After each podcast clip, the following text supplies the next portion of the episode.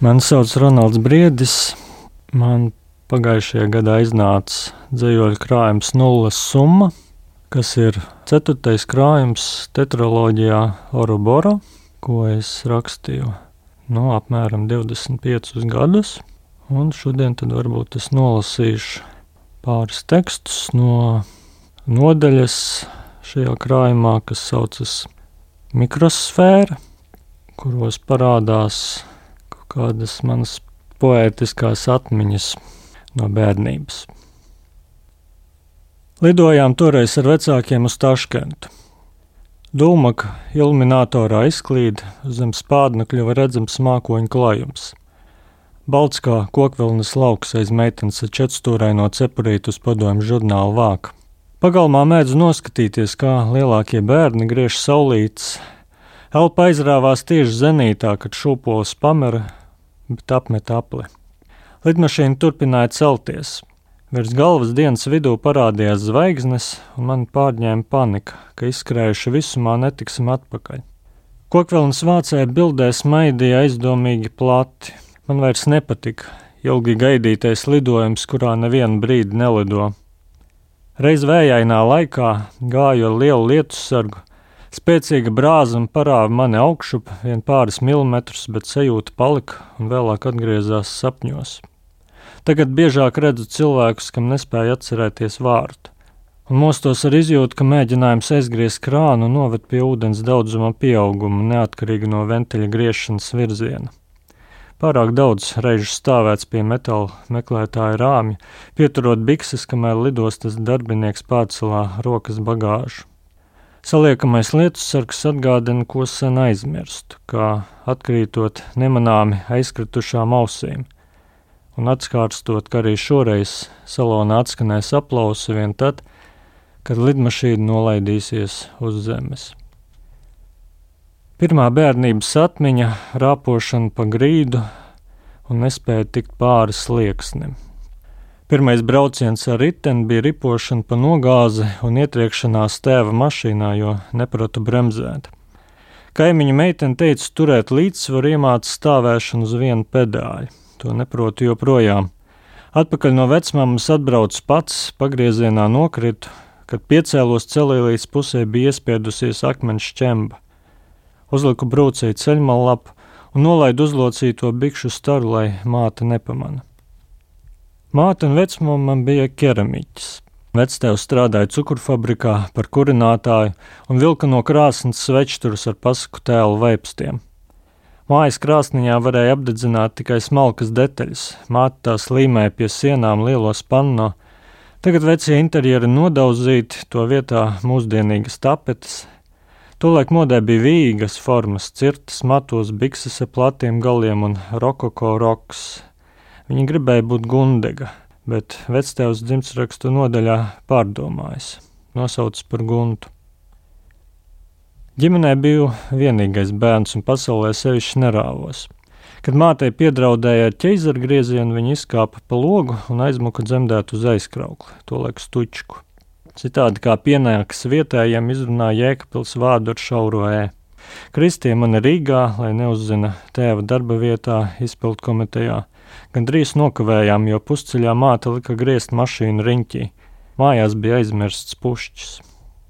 Vecgada vakarā skaitījām dzējolīšus un dalījām dāvanas. Bārdainajam vecītim nekad neesmu ticējis. Visu laiku centos pieķert, kurš no vecākiem izliek aiz dzīvokļa durvīm maisu un nospiež zvana pogu.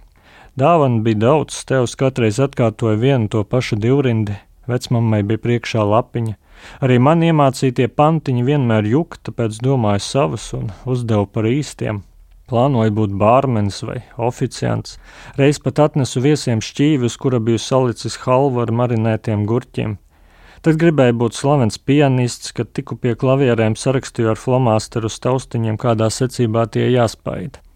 Man izpildījumu nokritizēja tikai mātes māsa, bet viņa bija alkoholiķa un tas neskaitījās.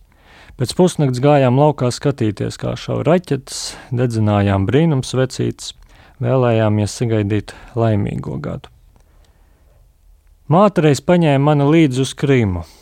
Ceļa zīme bija viņai vienai. Kad izdevās uzpirkt administrāciju, dzīvoja viesnīcā. Pārējo laiku mitu pie saimnieces izīrētā istabiņā. Pludmalē sadraudzējos ar amerikāņu bērniem, kuru tēvs bioķīmijas laboratorijas vadītājs bija pārbēdzis uz Padomu Savienību. Par to daudz rakstīja avīzēs. Sākumā māte nopriecājās, iemācīšos valodu, bet tad izbijās, ka čeks sāks pārbaudīt, kas es esmu, un nelaida vairs pie viņiem. Civilās aizsardzības stundās mācījāmies vilkt gāzmasku un slēpties zem skolas soliem, kad aiz logiem būs redzama atomsēne.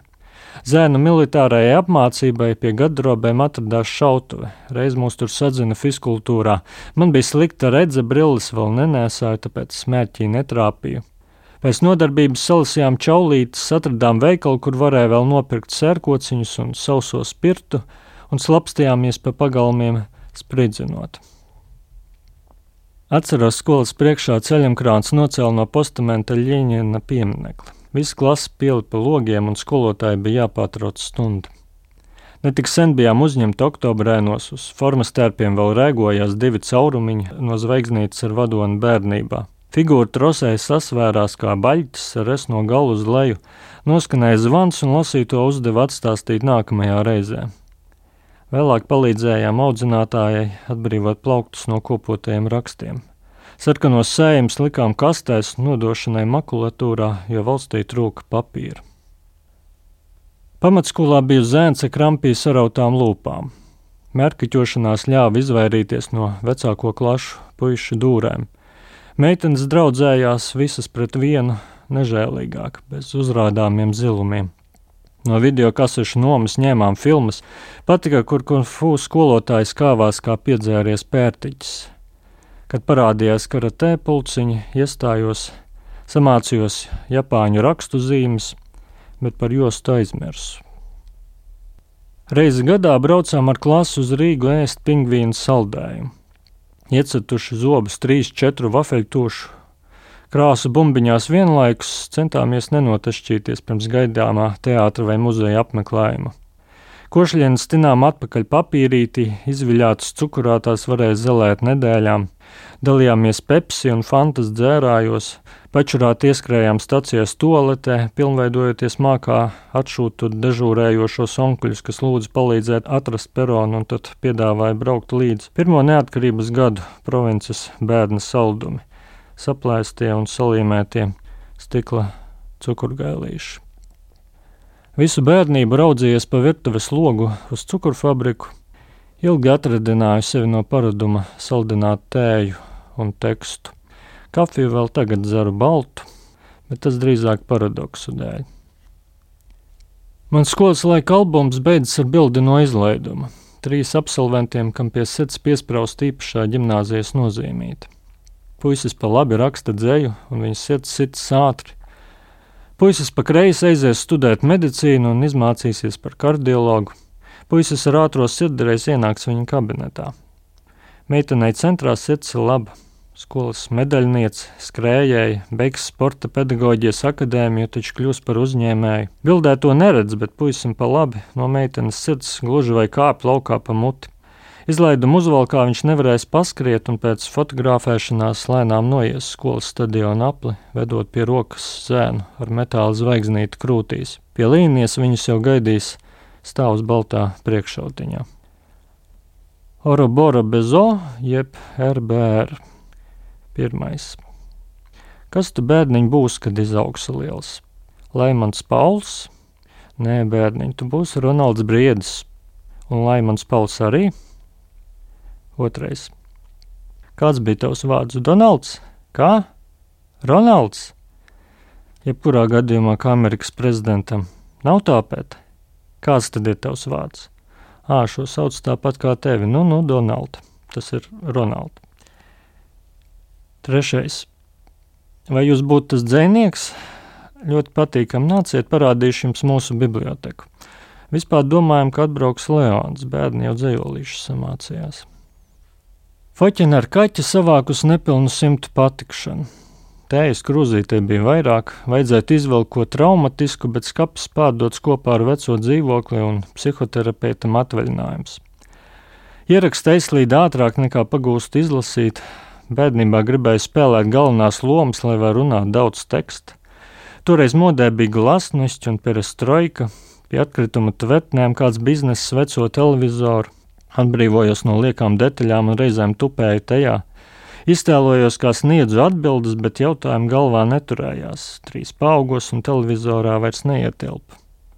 Zem šodienas ieraksta trīs ciparu skaitlis, jau labāk. Rīt saņemšu teleskopisko statīvu telefonam, būs jauns video paciņas atvēršanai. Gara ekskurss pagātnē nogurdina, un telpai tomēr vairāk virziena nekā laikam.